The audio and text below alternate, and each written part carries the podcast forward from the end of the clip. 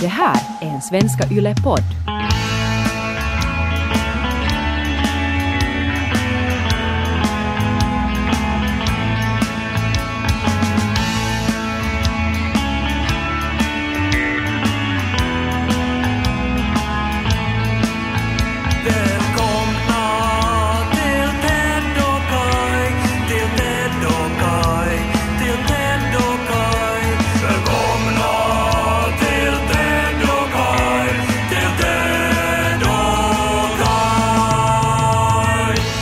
Att fara hem till Österbotten är som att propp.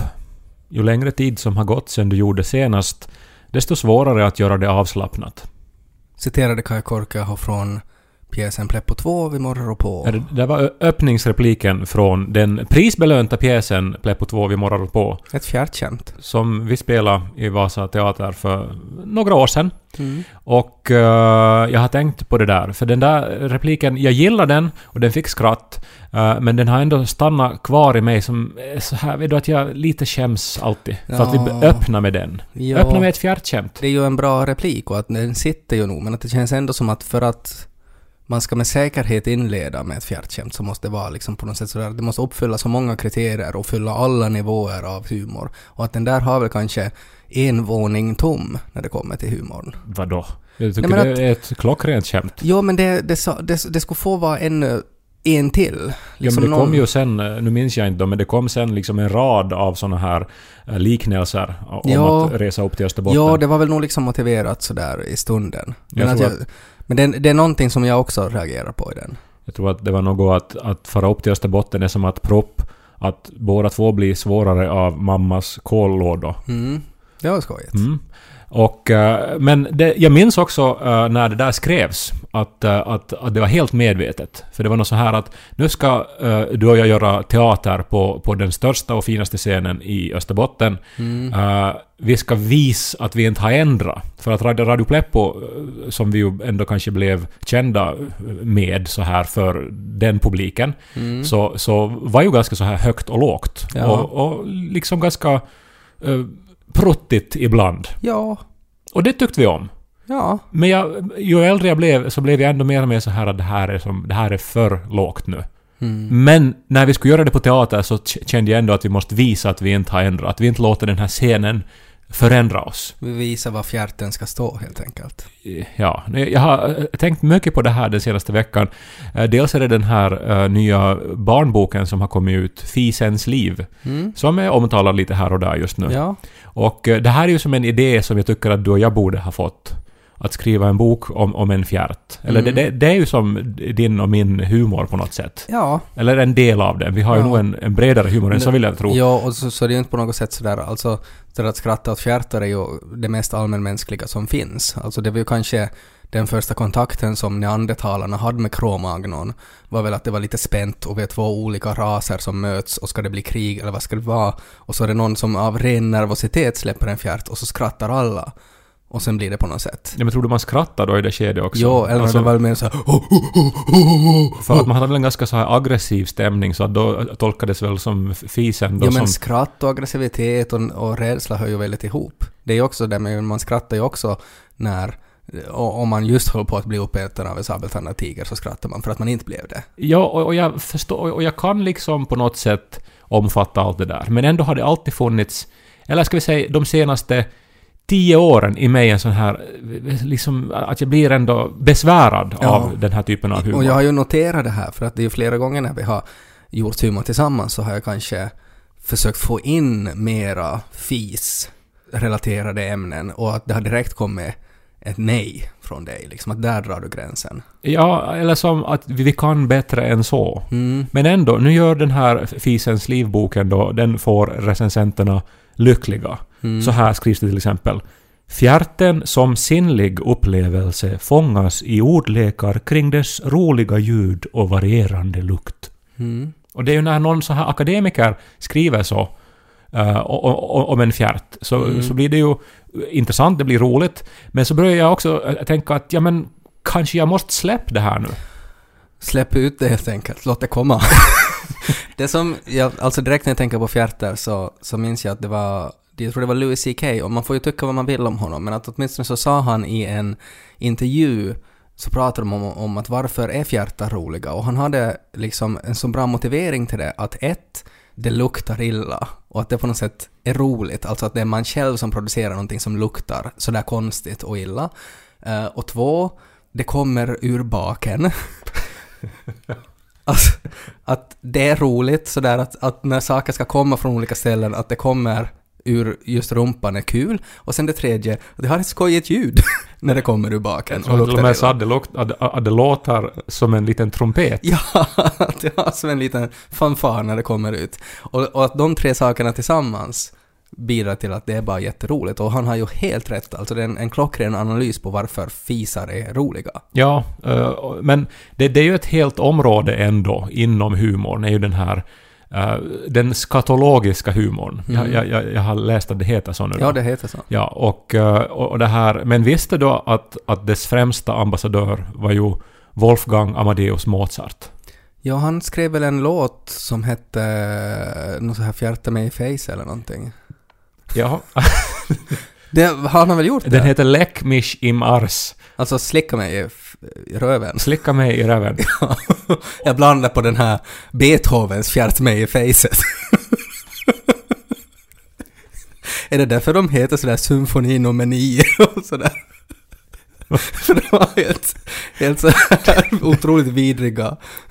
De har döpt om dem så att det ska gå att sälja dem. Men ja, alltså ska vi ta och lyssna på, på Mozart, alltså, alltså slicka mig i röven, läck mich im Ars.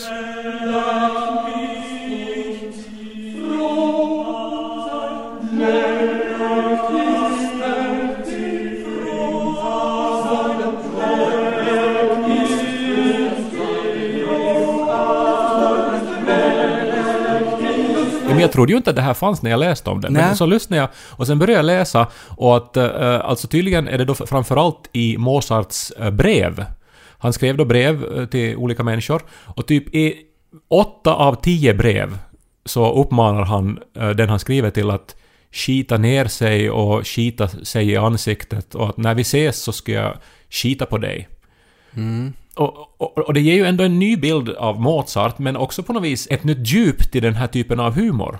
Men är vi helt medvetna om att det är humor då? Att han inte bokstavligen faktiskt sket på folks face? För att nu, han tillhörde ju ändå adeln på den tiden. Och, och då var det ju sådär att, att adeln och de fattiga, att man, man gjorde ju vad som helst för ett öre, till exempel. Och det är väl då det blir sådär att, att, att man baddar till med att om jag skiter dig i facet så får du fem euro. Ja, no, all, alltså jag menar, jag kan ju tänka mig att den här humorn har säkert alltid funnits och så här, men, men det är ju ändå som uppfriskande att en sån här Alltså jag, jag menar när man föreställer sig Mozart så är det ju, han har ju peruk och han rör sig i hovet och han spelar Ja. sån här väldigt... Uh, no, alltså uh, musik som spelas i fina salar. Väldigt parfymerat. Ja, så.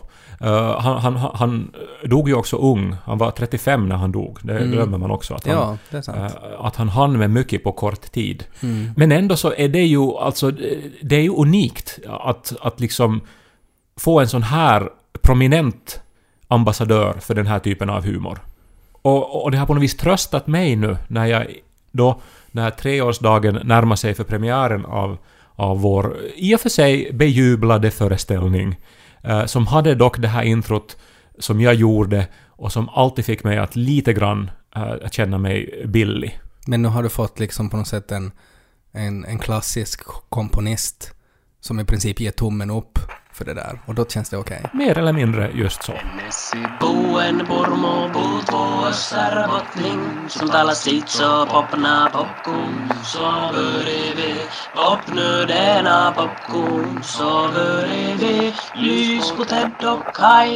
är så glad att du öppnar podden med det här ämnet. Jag visste att det var en risk, vill jag säga nu, Ja. och be om ursäkt till lyssnarna som inte tål sånt här. Nej. Det finns säkert där ute. Ja, men jag menar, säga vad man vill om klassisk musik, men att nu är det ju också musik.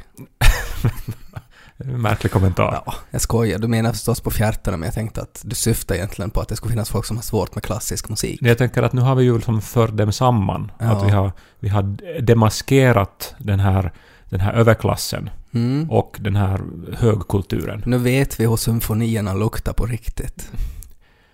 Blir det jobbigt nu? Ska vi Gick jag för långt till fjärten nu? Vi lyssnar ännu ett litet stycke.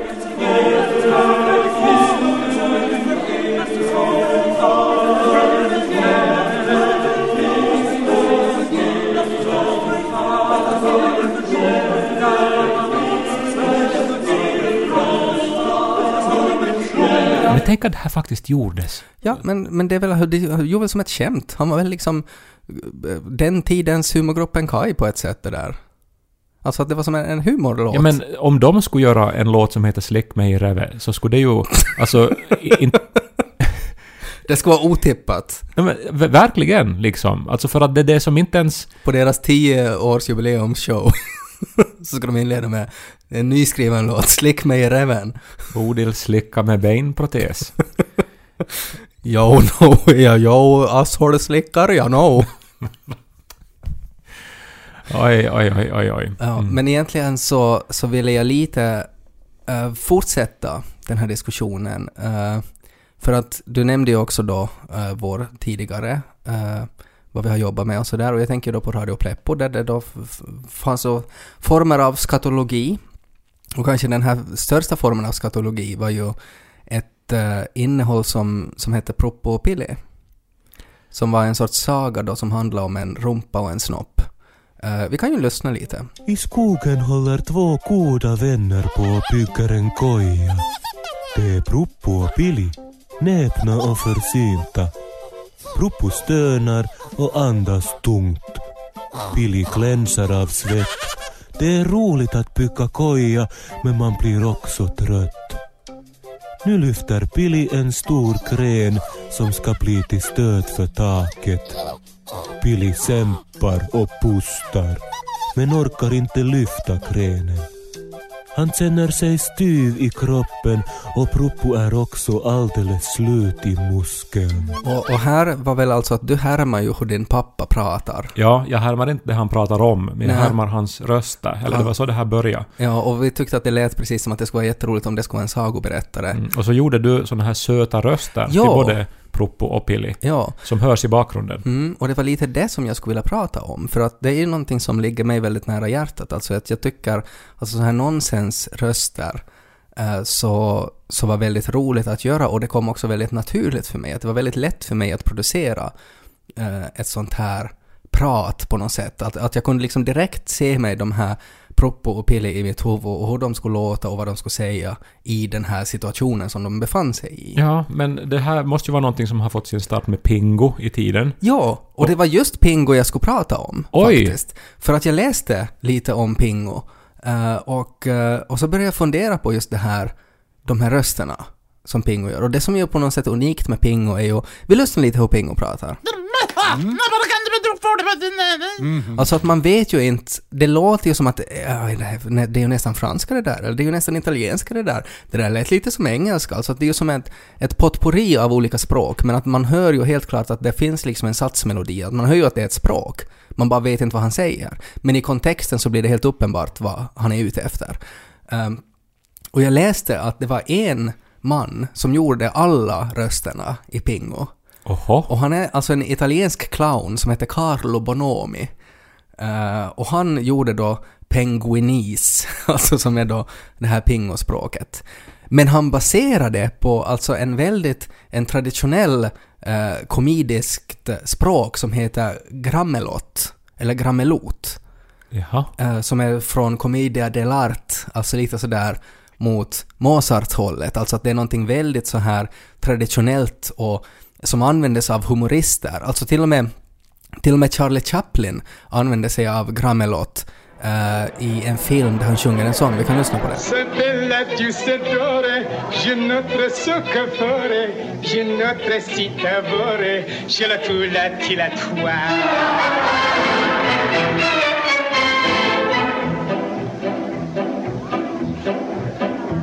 la spinach o la bouchon, si grete portobello, si rocchi spaccaletto, ci le tula, ti la tua.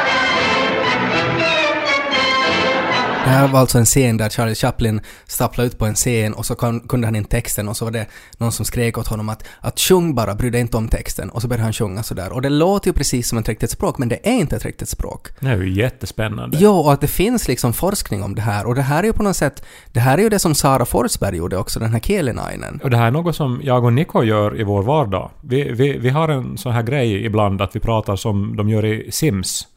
Ja, Så att vi som just använder mera liksom tonfall och känslor. ja. Och sen alltså för att jag, jag har aldrig glömt att Det är de, som när jag pratar finska. att de i Sims alltid när de skulle avs, avsluta ett eh, samtal Sol, sol! så sa de sul sul. Mm. Och eh, det säger jag och Niko till varann ofta istället för hej då. Ja, Sul sul. och det är ju roligt. Ja, men, men som det har blivit som till en grej. Ja, men jag börjar fundera att borde man liksom göra, alltså du, du gör ju det där redan med Nico, och jag var på något sätt ute efter att borde man liksom göra det där mera i sin vardag, alltså att man på något sätt ska övervinna sådana här språkliga barriärer, som just när jag ska prata finska och sådär, att faktiskt bara gå på det här rå rå emotionerna. Och där är ju liksom Pingo är ju så bra när han säger liksom njöt, njöt! Och han har, har ju liksom det där perfekta, det här jobbiga barnet, eh, ljudet.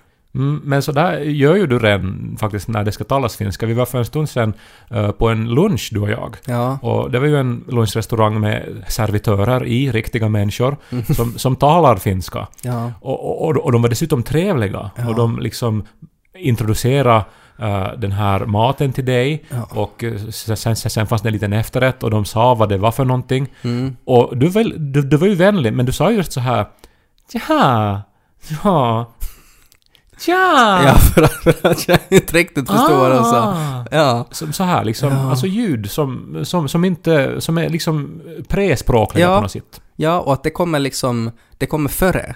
Precis prespråkligt, alltså det kommer före orden så kommer det där.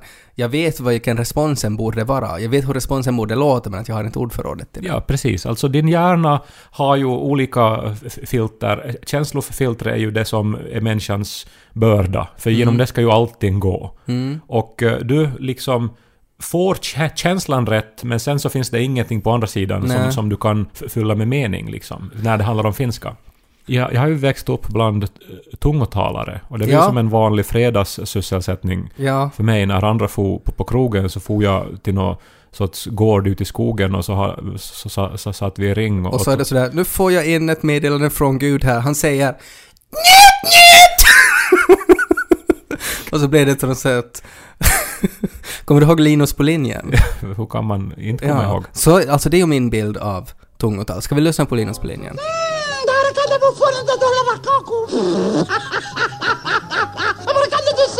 Sådär. Och det är på något sätt min tanke där att om Gud skulle skicka sms så har man liksom fel operativsystem i huvudet så att man skulle inte liksom kunna ta emot det på samma sätt och därför blir det sådär. Nej, men de- alltså man ska få det gärna att låta mer semitiskt, alltså som att det är ett sånt språk som... Ja, det så här- låter sådär hebreiskt. Ja, så här långt bak i halsen och liksom så här jojkande nästan Ja, på något så här sätt. jiddisch. Så här, vet du. Liksom det, det är då man närmar sig Guds språk. Det är så dumt det också, för han skulle säkert prata det språk som som, jag menar till och med i Star Trek har de ju universal translators, så att det bara översätts direkt när en alien pratar.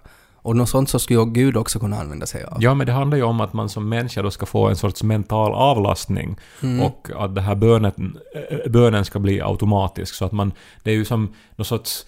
And, alltså den helige ande som verkar i en så att man får be utan att själv använda Jaha. ord. Så man är som en sorts printer för Herren. Ja, man... Och han skickar liksom, nu kommer det 420 sidor från Word. Och så är man bara då, kommer det ut text. Med så här Comic Sans och kyrilliska och sådär. Gud skulle ju kunna övergå till pdf också, som de, de flesta.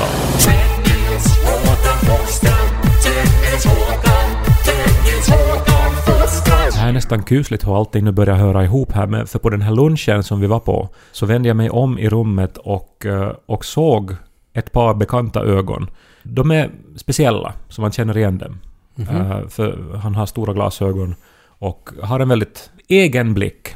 Okej. Det var kanske nu tredje gången den här veckan. Ja. När jag cyklar på stan, när jag är i affären, när jag är på biblioteket, där jag jobbar nu, Mm. nu för tiden, Mm. eh, så dyker han upp här och där. Mm. Och det här är alltså mannen som utförde min kolonoskopi. Okej. Och jag har ju börjat tänka nu då att är jag bevakad nu? Att har han sett någonting längst in i min reve? Och han kan inte liksom släppa det och han måste bara följa med på avstånd.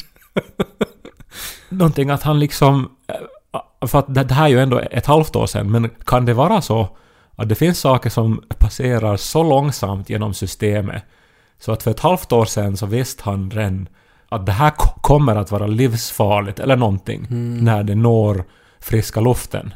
Jag, jag vet inte, alltså jag tänker på något sätt så här Stockholmssyndrom, alltså att han var med om någonting så traumatiskt så att han, han det på, får på något sätt så här fel i huvudet så att han istället liksom skapar kontakt med dig, liksom att han har ett behov av att på något sätt se det igen eller, eller, eller liksom vara med om samma sak igen och han kan inte släppa det. Att det är mer ett sorts ett, ett sjukligt förhållande som en läkare kan ha till en patient. Eller kollar han hur jag mår? Alltså, jag, alltså jag, jag tycker bara det är som obehagligt för att, för att han och jag delar ju någonting otroligt eh, konstigt. Liksom. Han, han, han gjorde ju grejer till mig som, som, ju, som ju ingen människa borde egentligen vara med Nej. om. Och han gjorde det ju i syfte att hjälpa mig. Men, men att han nu sen dyker upp överallt och nu igen, han satt typ fyra bord ifrån oss. Men du sa att han hade, han hade liksom konstiga glasögon och en speciell blick och han är ju inte liksom bilden av, av en, en rövläkare, om vi säger som så. Som för övrigt i mitt huvud är Mark Levengood, för han studerar väl till proktolog? Det kände jag inte till. Han är inte skådespelare. Nej. Nej, jag tror... Eller så är det någon, något skämt jag har missförstått. Men jag, jag, jag har alltid trott det, att han skulle studera till proktolog. Men sen blev han Mark Levengood istället. Är det, du sa att han har varit på biblioteket där du jobbar och nu när vi... Och, alltså tror du att han på något sätt vill följa med vad du stoppar i dig för att se vad som kommer ut? Jag, jag har ju ingen aning och jag vet bara att han har sett sidor hos mig som ingen annan människa har sett eller ska få se. Och att efter det så dyker han upp överallt. Det, det, här, det här är ju Men en... du borde ju konfrontera honom, du borde ju liksom skrika i honom att har du inte liksom sett tillräckligt, din sjuka jävel? Du har ju kvar filmen för helvete! Jag hörde sen att den här eh, själva apparaten som de utför endoskopi med, eh, den har ju en kamera, de- den är ju böjlig och så vidare. Mm. Eh, Kostar över 100 000 euro. Mm. Så det kan ju hända att någonting lossnar dit Ja. långt in i min tolvfingertarm. Tänk om när du var eh, för någon vecka sedan när du var på den här uh, sjuka, den här kannibalmiddagen som den här franska professorn ordnade. Ja. så tänk om då efter att du har fått en sidenpåse eller hur det nu var, att du skulle ha satt dig framför bordet och så skulle det ha varit han du ska prata med och så skulle han alltid vara sådär att vad är den finaste diskussion du har haft? Nå, det var nog det var nog med dig direkt efter att jag hade kört den här 100 000 euros kameran in i ditt asshåll så, så det var nog den diskussionen och allt skulle ha kretsat kring dig. Alltså att han skulle vara helt besatt av dig. Vad är det dyraste du någonsin har förlorat? Nå en sån här lins, sån här kristalllins. Ja, men tänk om det på riktigt är så. Och han kan inte säga det här till mig för Nej. då skulle jag kunna stämma sjukhuset. Yes, och han kan inte heller säga det åt sin chef. Att hans enda förhoppning är att han måste på något sätt få ut det där. Att han måste vara med då någon gång när det går på vässan och så låter det liksom plink i vässastolen och så kommer det ut en lins. Och så är han så ja, kan jag, kan jag få den där? det kommer en hand under båset.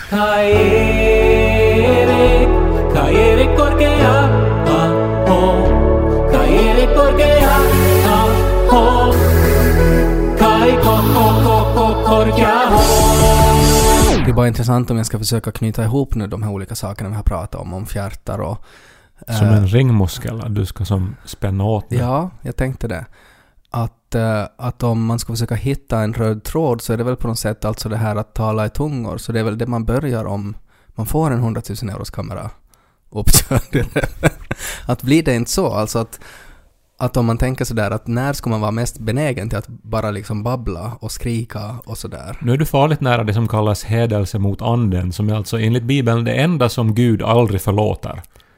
Men var exakt går, alltså när blir det hädelse då? Nå, vi kanske inte ska undersöka eh, den här gränsen för eh, ivrigt. Men det är ju nog dumt det också att om man kommer då till pärleporten eh, jag såg honom sen, alltså, det var en, en jätteskojig skämtteckning som var att när Gud har dött så kommer han till superhimlen. och så möts han där av då någon vid pärleporten och han är sådär att shit vad hände? Och så är det någon som säger att ja Gud du dog och nu kom du till superhimlen. Och så är de sådär att nu ska vi lite kolla vad du har gjort i ditt liv och så öppnar de liksom gamla testamentet och så bara far, far det en så här rinner det liksom svett längs pannan. Att han skulle antagligen inte komma in i superhimlen och det var han roligt. fara till superhelvetet då? Antagligen.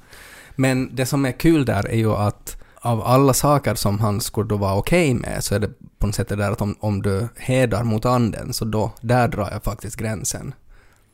Att är det till och med sådär att även om, för är det inte sådär att om man ber om förlåtelse så är det frikort? Nej, inte om man hedrar mot Inte anden. om man Nej, mot det, anden. Det är det enda som Gud inte förlåter. Nå, när jag växte upp så tog vi det här bokstavligen, alltså att det finns en sån här oförlåtlig synd, men det kanske är liksom ett uttryck bara för, för hur det här Men vad, verkligen... tror, vad var den oförlåtliga synden? Att hedra mot anden. Ja men vad gör man då? Att man svär liksom mot himlen? Nej, det är lite otydligt. Men det är väl så här att du som föraktar Guds andes verk, typ. Ja, ifrågasätta om han finns liksom. Jag menar typ att, att, att Guds handlingar är, är egentligen djävulens eller någonting. Ja, okej. Mm. Fjärtar i kyrkan. Det andra oförlåtliga. Och det tredje är att slarva bort den där linsen från den här unika schweiziska proktologikameran.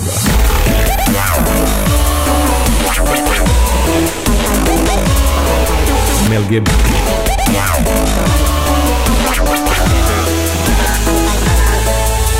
Oh.